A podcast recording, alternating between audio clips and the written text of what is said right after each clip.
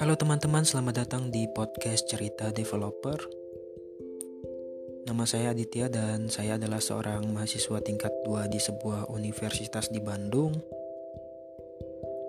App developer adalah karir yang ilmunya sedang saya bangun dalam diri saya saat ini.